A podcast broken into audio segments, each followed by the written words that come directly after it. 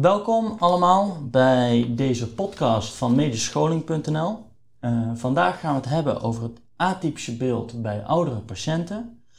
Aan tafel met mij zit uh, Marcel Olderrickert. Uh, u bent geriater hier, hoofd van de afdeling geriatrie. En u bent hoofd van het Alzheimercentrum van het Radboud. Klopt. Um, u heeft onlangs een heel leuk artikel in het NTVG uh, ingestuurd samen met collega's en een uh, artikel in het Medisch Contact. Mhm.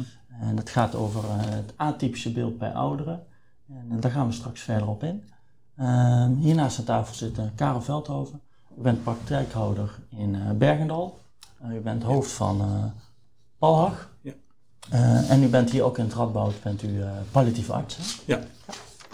Um, we gaan het hebben over drie thema's. Ik heb ze net al even genoemd. Het eerste thema is het atypische beeld van COVID-19 bij oudere patiënten en hoe kunnen we die patiënten juist vroeg herkennen. Het andere thema is uh, de Clinical Frailty Scale. Die wordt uh, bij ons huisartsen uh, nog niet zo vaak toegepast. Is wel een hele nuttige tool die we op dit moment goed kunnen gebruiken. Um, dan gaan we het vooral hebben over de praktische toepasbaarheid daarvan. En afsluitend gaan we het hebben over advanced care planning bij COVID-19. Uh, hoe kun je dat nu aanpakken en wat is op dit moment uh, de meerwaarde daarvan? Aangezien we patiënten natuurlijk nog maar weinig zien, uh, is dat nogal een uitdaging.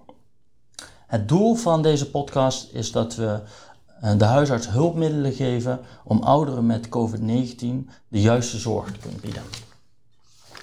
Goed. Marcel, ik wil graag uh, met jou beginnen. Mhm. Um, kun je eens wat vertellen over dat stuk in het NTVG, over de casus?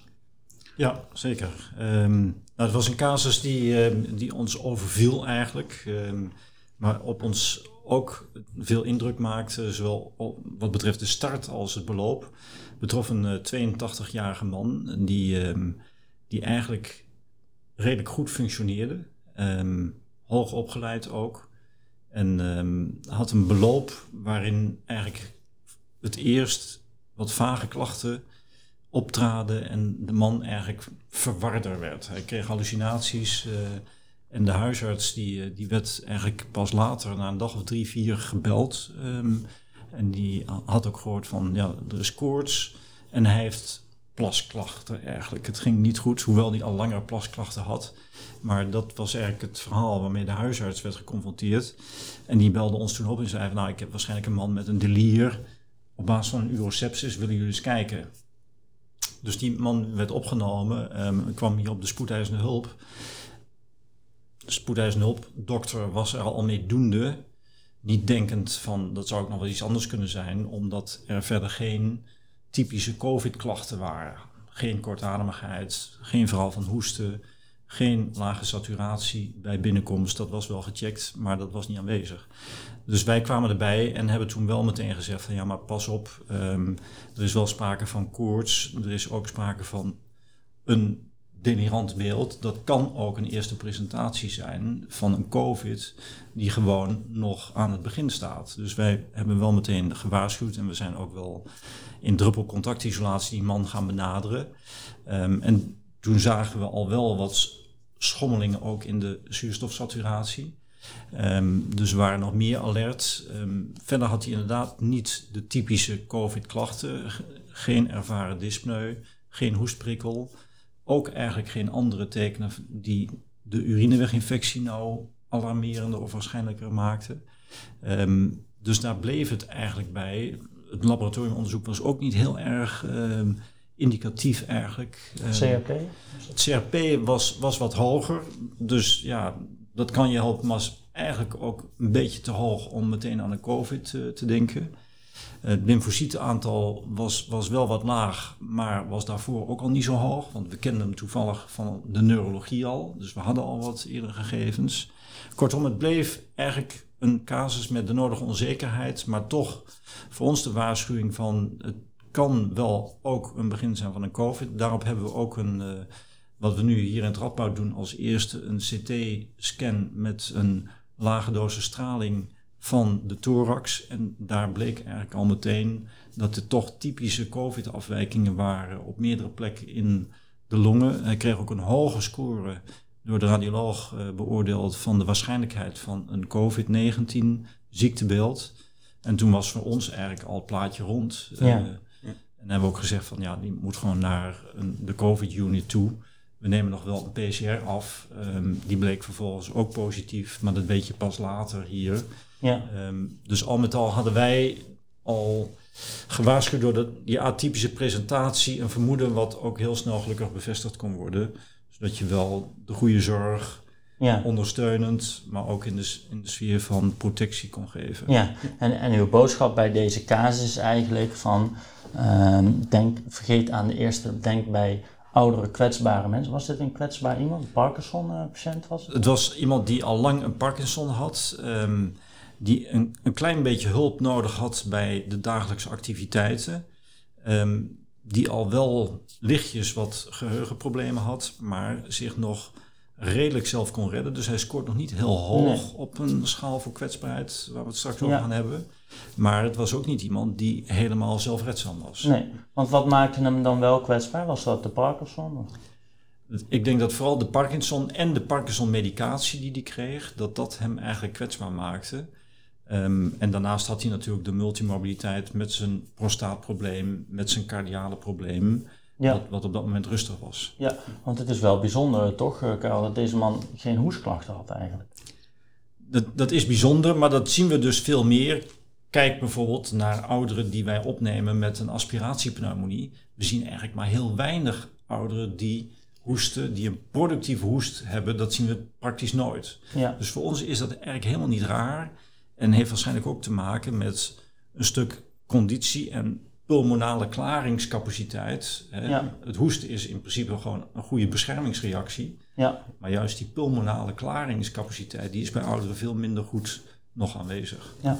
Ik, ik, ik, denk dat het ook iets wat algemeen geldt voor ouderen. Kijk, nu voor COVID-19, maar ik denk in het algemeen geldt dat voor zeker kwetsbare ouderen geldt dat het beeld zich vaak heel anders voordoet dan dat wij uit het boekje geleerd hebben. Dus ik denk mhm. dat dat ook een leerpunt is in het algemeen, maar zeker ook voor COVID-19 geldt. Ja. ja, dus het moet een, een, trigger zijn, kwetsbaar iemand met klachten die je niet direct kunt duiden. Hoewel in dit geval was het, er was een blaasontsteking gevonden, hè? dus het is eigenlijk een hele logische conclusie om te zeggen, nou het is een uroceptus, maar anders het maakt een zieke indruk.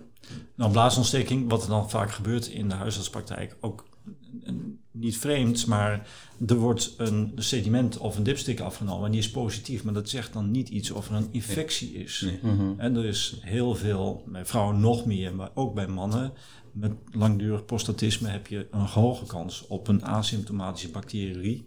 En het is dan heel vlijtig om 1 en 1 is 2 te zeggen, ik heb de oorzaak. Ja. Maar dat is de meest niet terechtgestelde diagnose bij ouderen, een urineweginfectie. Ja.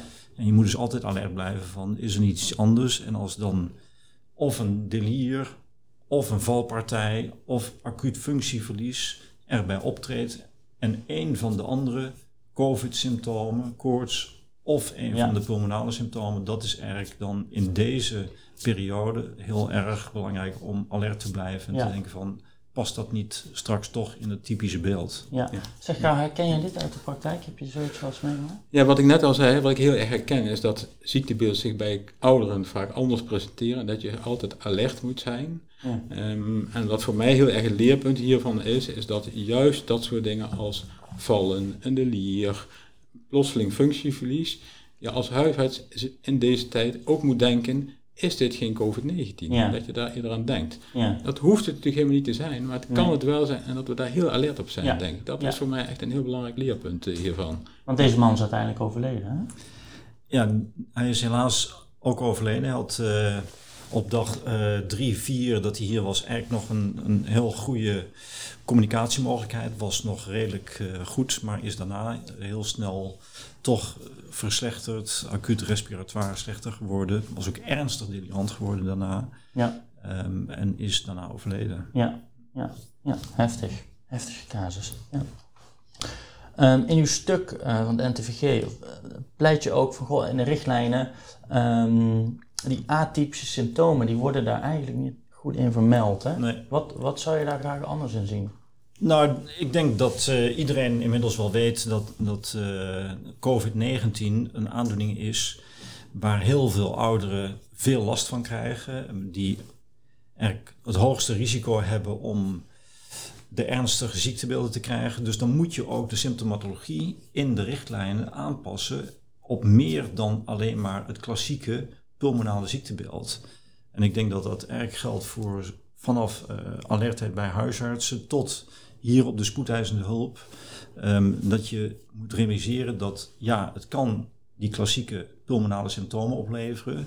Maar het kan heel goed zijn dat die in het begin vervangen worden door typisch geriatrische symptomen, die ik net noemde. Ja. Dat vallen, delier, acuut functieverlies, dat zou je eigenlijk moeten opnemen bij het herkennen van COVID-19 bij een kwetsbare oudere. Ja, ja.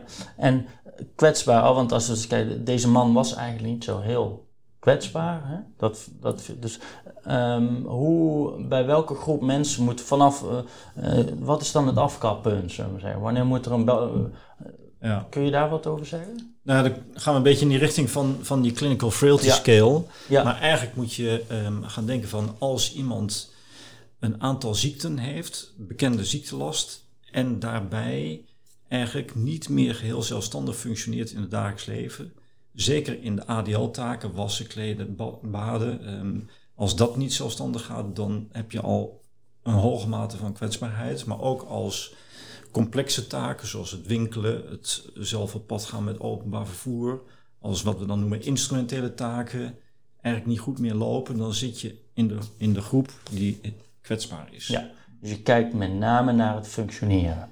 En niet zozeer naar de ICP-codes en de comorbiditeit en dat soort dingen. En, en de reden daarvan is dat dat, dat lijkt simpel om ziektes op te tellen, maar in de praktijk blijkt dat veel ingewikkelder.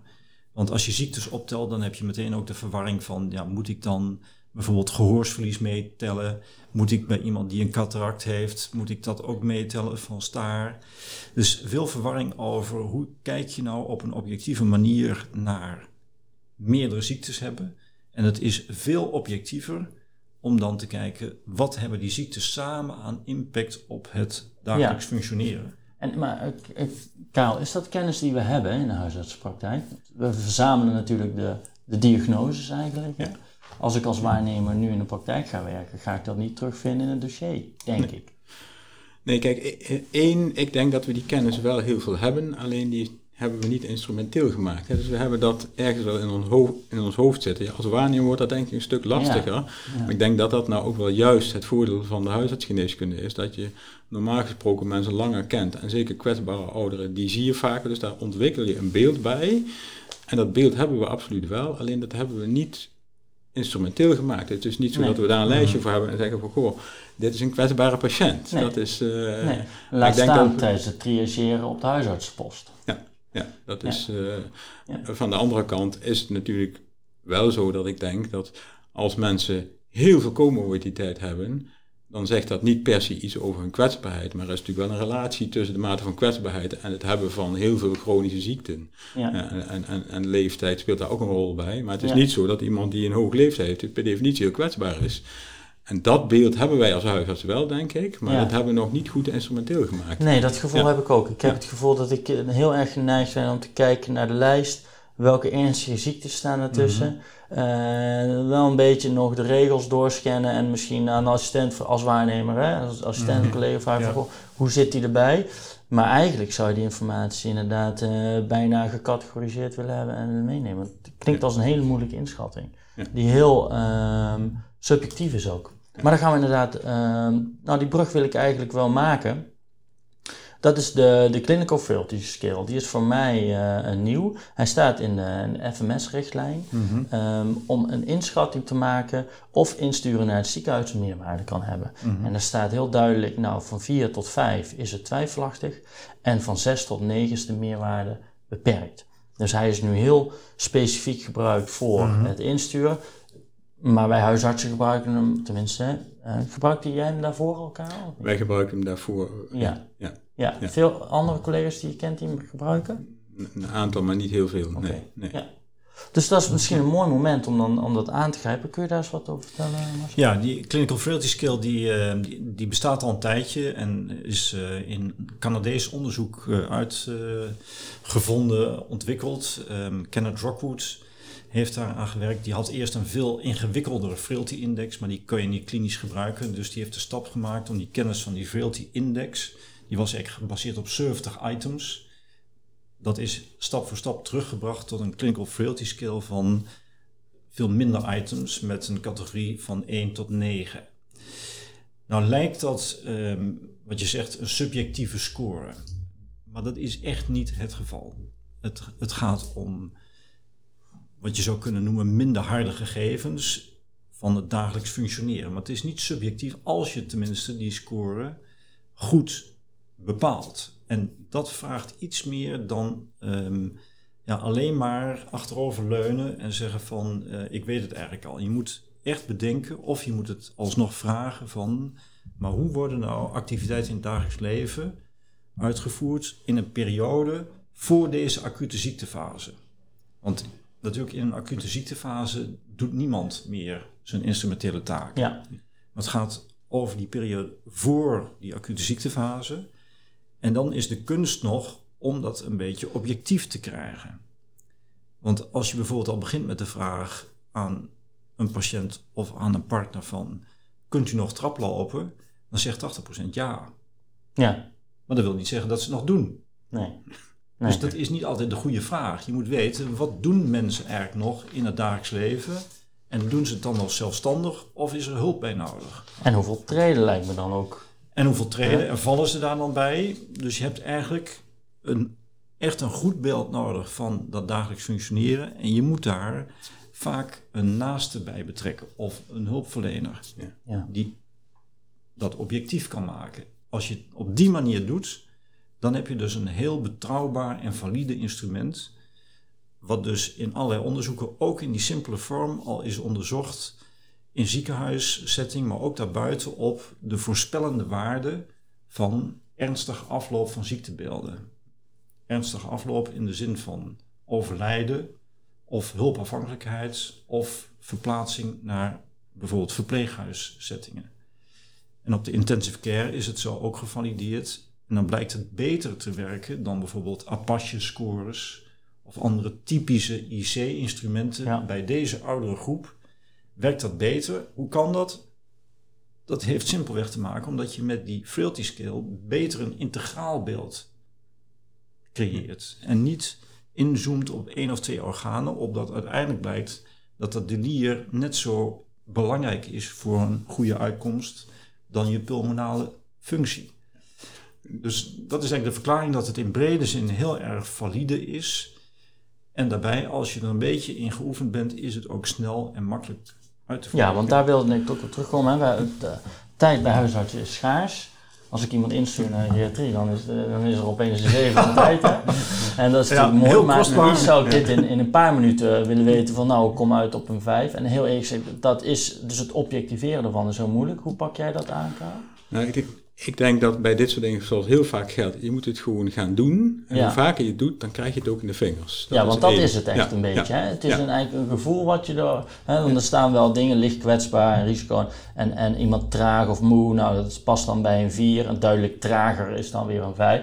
Maar dat, dat moet je echt in de vingers krijgen. Hè? Ja, je moet het vaak doen. En het tweede is, je moet er in het begin wel de tijd voor nemen. En je hoeft die score niet in 10 minuten bij één patiënt die je nog niet vaak gezien hebt af te nemen of te scoren. Je kunt ook zeggen, ik doe dat in twee of drie keer dat ik die patiënt zie. Hè? Ja, Kijk, nu zitten we, hebben we niet altijd de tijd ervoor, omdat het COVID-19 ziektebeeld zo snel gaat. Maar ik denk dat het voor het algemeen geldt dat je dit ook dat het van tevoren over na moet denken en de tijd voor moet nemen. En dan hoef je dat niet in één keer te doen. nee. Dus je moet het gewoon doen en je moet er wel de tijd voor nemen. Maar Ja. het is wel iets waarvan, wat niet heel veel tijd hoeft te kosten, denk ik. Als je Nee, want goed wat jij nu Ja. praktisch doet, is eigenlijk, je, je, je kent de patiënt. Dus Ja. je weet, eh, Ja. als je- dan, en als je een keer op bezoek gaat, dat beeld neem je voor je. Ja. De comorbiditeit, dat voelt ook wel een beetje als een verademing. Die mag je voor een deel, natuurlijk niet volledig, als iemand heel pulmonaal gestoord, maar dat mag je voor een deel eigenlijk opzij zetten. En je kijkt naar dat beeld van wat zie ik nou eigenlijk voor me en, en hoe mobiel is iemand nog. En daar maak je een inschatting van. En hoe leg je dat dan vast? Ehm, nou, dat leggen wij gewoon in ons dossier. Hè, want tegenwoordig heb je ook de ICBC-code ouderenzorg. Daar kun je dat heel goed in vastleggen. Ja. Eh, ehm, ouderenzorg kwetsbaar, kwetsbaar complex noemen wij het vaak. Hè. Dat is, uh, en daar kan je heel goed, goed zo'n score aan toevoegen clinical filthy scoren die. Dat is denk ik heel makkelijk om dat te doen. Eh. Ja, ja. Wij doen dat in onze praktijk ook ieder half jaar, mm. dat wij alle 75-plussers Echt waar? scoren wij op deze manier. Oké. En we verbinden daar ook consequenties aan voor wat wij daarmee doen. Dat is, en welke consequenties? Dat ben ik wel nou, mensen die wij dus een hele hoge filthy score vinden hebben, um, die bespreken wij standaard in ons multidisciplinair overleg. Ja. En ik denk dat dat wil ik eigenlijk nog wel aan toevoegen. Ik denk dat zeker in de eerste lijn bij de huisartsen ook de wijkverpleegkundigen een hele belangrijke rol zouden kunnen mhm. scoren mhm. Eh, eh, eh, voor deze score. Dat die een hele belangrijke rol zouden kunnen spelen in het scoren van zo'n clinical fidelity scale. Ja, dus jij, dus, jij je noteert ze allemaal in het EPD. de, degene boven de zes met de hoogste score eigenlijk, die neem je systematisch door en, daar, en die neem je ook mee in het MDO. Ja, en, en de andere mensen scoren we overigens ook. En die nemen we misschien weliswaar niet allemaal meteen mee in het MDO. Ja. Um, maar die signaleren we wel. Want uh, het feit dat iemand nu een 4 of een 5 heeft, dat kan over een week kan het anders zijn. Hè? Dat ja. Het beeld kan veranderen. Ja, hè? Dat, dat was ook mijn uh, vraag van ja. hoe snel gaat dat? Dat is, of is dat, als het heel snel gaat, is dat er een, een teken dat er misschien iets anders aan de hand is? normaal gesproken gaat dat niet snel. Want dat zijn grote functies, eh, wel of niet traplopen, dat ben je niet ineens in een halve dag kwijt. Ja. Dus dat, dat zijn langzaam veranderende functies als je het hebt over normale veroudering.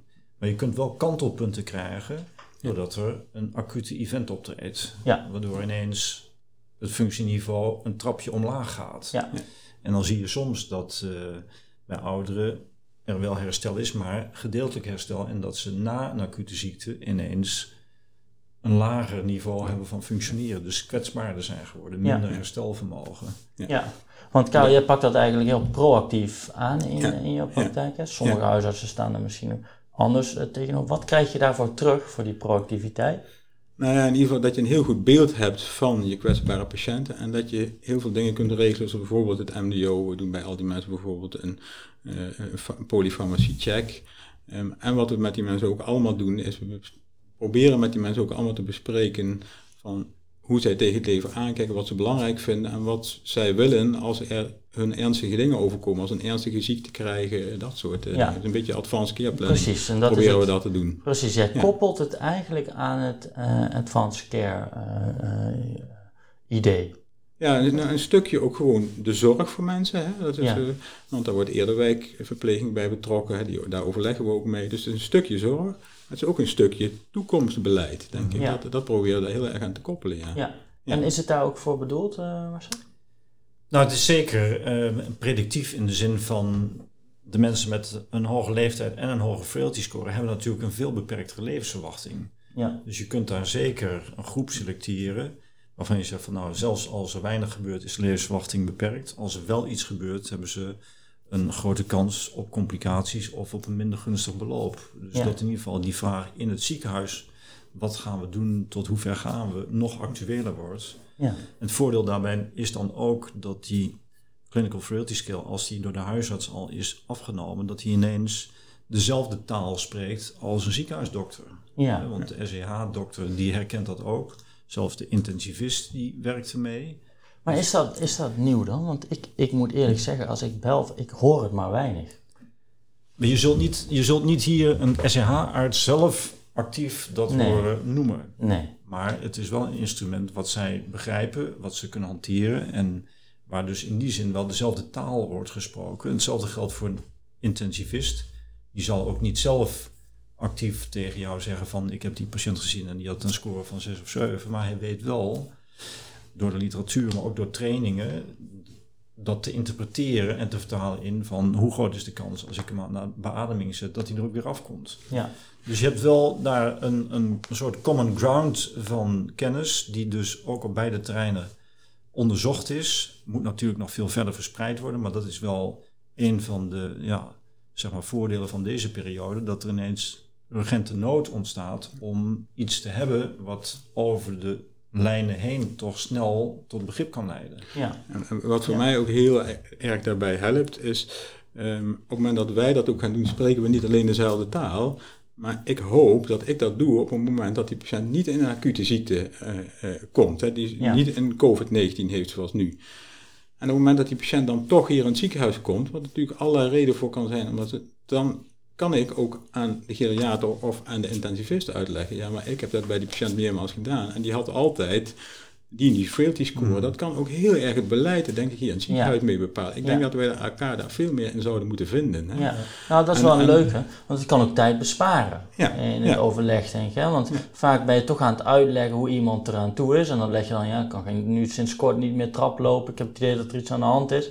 En, en dat, die frailty score vat dat eigenlijk ook een beetje samen, hè? begrijp ik. Ja, ja en, wat mij ook heel erg helpt hierbij, is uh, dat er ook is aangetoond dat als je een hoge frailty score hebt, dat dat ook heel veel zegt over de prognose en wat er te verwachten is aan ziektebeelden of aan het scenario wat daaruit volgt. En dat is denk ik heel, heel belangrijk. Hè? Dat je kunt zeggen tegen mensen, ja, het is motion score, maar het zegt ook over, iets over de kansen die u hebt op een IC-opname of hoe u daar uitkomt. Ja. En dat is voor mensen heel erg wezenlijk om ook zelf mee te kunnen denken en mee te kunnen beslissen over wat we daar vervolgens mee doen. Het lastige bij COVID-19 is natuurlijk dat dat vaak zo snel gaat, het ziektebeeld, dat je niet altijd de rust en de tijd hebt. Maar ik denk dat dat wel iets heel belangrijks is. Ja, ja. want jij gebruikt het als een leidraad in je advanced care gesprek eigenlijk. Hè? Dus je, van tevoren heb je al een idee, uh, die patiënt schadelijk ongeveer daarin. En dat, daar hoort daar hoort dus dan ook een bijpassend verhaal. Ja. Eh, van de voor- en de nadelen bij een opname bijvoorbeeld. Hè? Dat je het IC-risico, hoe kom je eruit en hoe ga je erin, uh, de afweging. Ja. Ja. Ja. ja. als je als basis, zeg maar, een clinical frailty scale, als je het gewoon concreet maakt van 6 hebt op 9 en je hebt maar 50% die de IC overleeft en je hebt maar 7, 30% eigenlijk die zes maanden overleeft. Dan is natuurlijk alle reden om te spreken over, maar wat wilt u eigenlijk? Wat zijn de doelen? Ja, ja. En als je dat afweegt tegen ook de nadelen die dan bij, in dit geval bij COVID-19 van het IC, hè, dat, ik denk dat dat um, een hele belangrijke is om te noemen. Um, ik wil even door naar het advanced care en, en um, ook nu in het kader van COVID-19 hoe we dat aanpakken. De NAG heeft een handvat gespreksvoering met kwetsbare patiënten over behandelwensen. Daar staat eigenlijk in een soort Jip en Janneke taal uh, welke vragen je zou kunnen uh, stellen. Um, maar dat moet dan via de telefoon of met beeld bellen. Ja. Uh, hoe pak jij dat aan, Karel? Nou ja, um, dat is best lastig, want dat is ook denk ik voor ons huisartsen best nieuw. Wij zijn heel erg gewend om altijd met mensen vis-à-vis, fysiek met mensen in een spreekkamer te zitten. Dat gaan we nu allemaal toch wat anders doen. En dat zou nog best wel eens even tijd kunnen duren dat we dat ook veel meer gaan doen. Misschien ook wel een nieuwe manier van, want het kan ook bij een heel aantal dingen denk ik wel goed. Ik vind het voor dit soort gesprekken vind ik het best lastig om dat uh, zeker door de telefoon te doen. Met beeldbellen wordt het al iets anders, want dan heb je tenminste ook nog het beeld van iemand hoe die reageert. Ook uh, de non-verbale communicatie heb je in ieder geval. Ehm, maar het is wel nieuw, dus ik vind dat heel lastig. Ja. Wat voor mij heel wezenlijk daarbij is, is dat je heel goed nadenkt of je dat op dit moment in deze tijd van coronacrisis met mensen moet doen. Ik heb er niet specifiek en ben ik een grote voorstander of een groot tegenstander van. Maar ik denk wel dat je er goed over na moet denken. Ja. Wat doet dat met mensen? Hè? Eh, eh, als mensen heel angstig zijn, omdat het in deze tijd ook natuurlijk best beangstigend is eenzaamheid, mensen hebben weinig contacten. En ik ga ze bellen, wat wilt u? Stel dat u morgen ernstige COVID krijgt, dan kan dat een goed gesprek zijn. En kan ik heel veel informatie ophalen. Maar het kan ook heel goed zijn dat mensen daar heel bang van worden. Vervolgens daarover na beginnen te denken, ja. s'nachts wakker van liggen. En ik heb er veel minder beeld op. En de omgeving ook, want er is veel minder contact. Ja. Wat doet dat met mensen? Dus ik denk dat je heel goed moet nadenken. Wil ik dat bij iedereen doen? En als je dat bij iedereen doet, denk er dan ook goed over na wat je er voor nazorg aan geeft. Dat denk ik dat dat heel wezenlijk uh, is. Ja. ja. want er zitten inderdaad nog wel wat haken en, en ogen aan. Ik zou bijna willen opperen van, goh, um, informeer je patiënten dat dat gesprek mogelijk is en als ze er vragen, dat je er bent. Ja. Het, lijkt me heel onhaalbaar om, om die patiënten te gaan bellen. En ik kan me heel goed voorstellen dat je veel onrust daarmee veroorzaakt ook. Ja, er, zijn ook, er zijn ook wel echt meerdere voorbeelden van. En mensen die echt daar heel ongerust over waren, heel angstig over waren. En dat is dus ook echt gebeurd. Ik denk dat het overigens niet slecht is om mensen te bellen. En- Maar je kunt ook hele andere dingen vragen in deze tijd. Hè. Be- Begin eens te vragen, hoe maakt u het in deze tijd? Komt u de tijd door? Hebt u nog wel wat sociaal netwerken? Zijn er nog mensen die voor u zorgen? Ja, Hè, Stel dat er iets is, met wie kunnen wij dan contact opnemen? Ja. Dat soort dingen. Hè? Dat, is, Ja. eh, dat is denk ik ja, heel goed om te beginnen. En dan hoef je het lang niet altijd te hebben over, stel dat u heel ziek wordt, wat wilt u dan? En er zijn best een aantal mensen die zullen daar zelf over beginnen. Of bellen daar misschien zelf naar de hand over terug. Maar ik denk contact opnemen op zich kan al heel veel informatie geven. Ja. Hè? Dat is, eh, ja, ja, dat is ook wel de eerste vraag. Hoe gaat het met u? Maar als je dan door, dan wordt het toch wel steeds. ehm, ja, dan, dan zou ik denken, als ik dit lees, van oeh, het lijkt me wel moeilijk om dat via de telefoon eh, te vragen. Hoe, hoe, hoe denk jij dat we dat zouden kunnen aanpakken, Mars? Nou, ik, ik denk dat het op zich heel goed is dat de NAG en dat Verenzo en ook eh, de FMS nadenken over richtlijnen, handvatten om, om dat in ieder geval een stukje bereikbaarder te maken. Maar ik ben het helemaal met Karel eens. Van dat vraagt eh, heel veel fine-tuning per individu. Wil je uiteindelijk komen tot meer waarde, tot meer duidelijkheid. Ehm, en dat heeft weer alles te maken met zijn wij wel voldoende getraind om dat op een goede manier vorm te geven.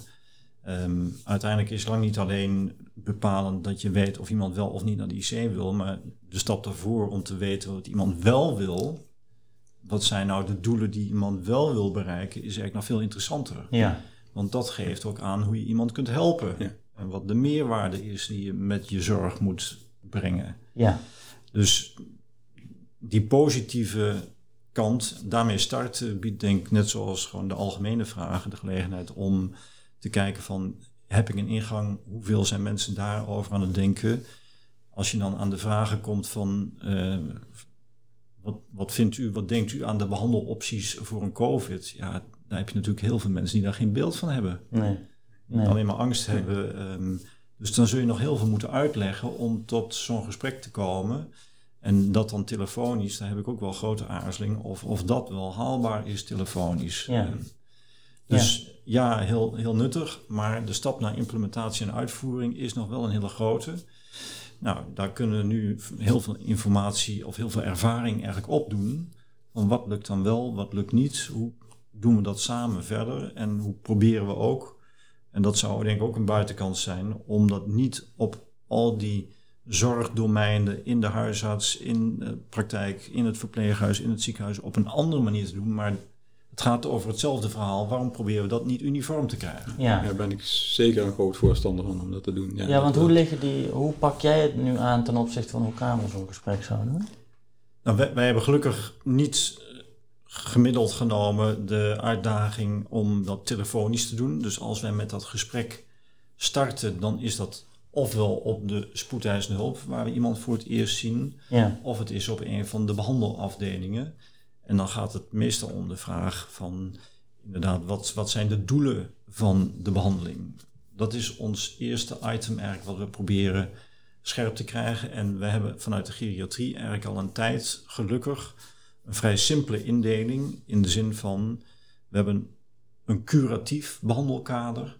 Of we hebben een palliatief symptomatisch of een palliatief herstelgericht behandelkader.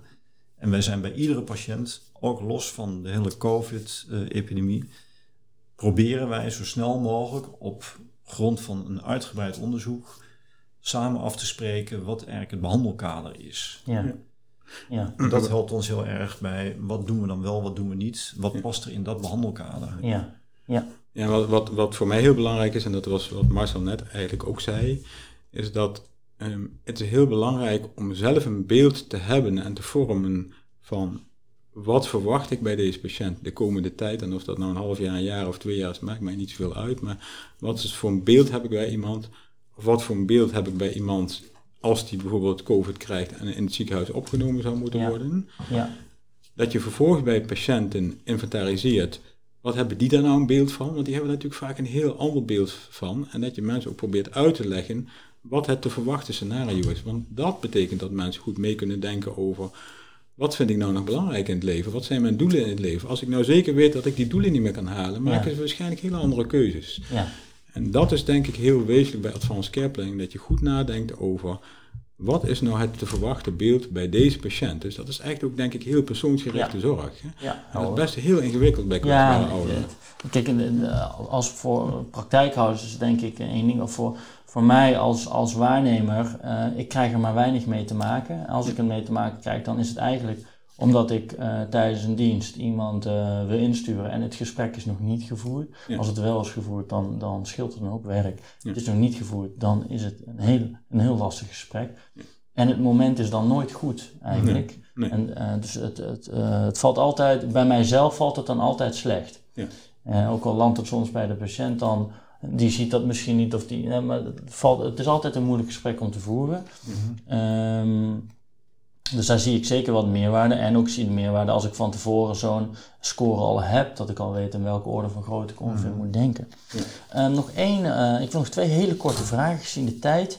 Die zijn ingestuurd uh, op ons platform. Eentje gaat over het testen in het kader van advanced care planning. Het maakt natuurlijk nogal wat uit voor het beleid of, je, of een ouder die ziek is en kwetsbaar, waar je die noem maar wat een field score heeft van zo van een 7, 8. Um, of je die persoon wel of niet test.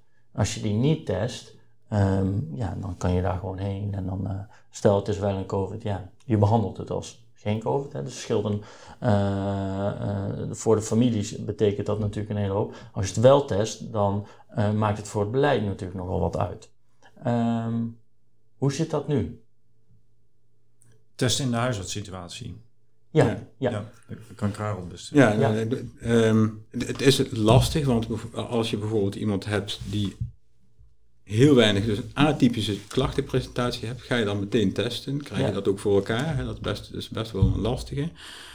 Ook daarvoor geldt overigens, als ik een patiënt heb die heel erg delirant is, die een clinical frailty score van 7 of 8 heeft, dan is maar de vraag of het uitmaakt of die patiënt COVID heeft of iets heel iets anders heeft. Dat is niet helemaal waar natuurlijk, want er zit wel wat verschil in.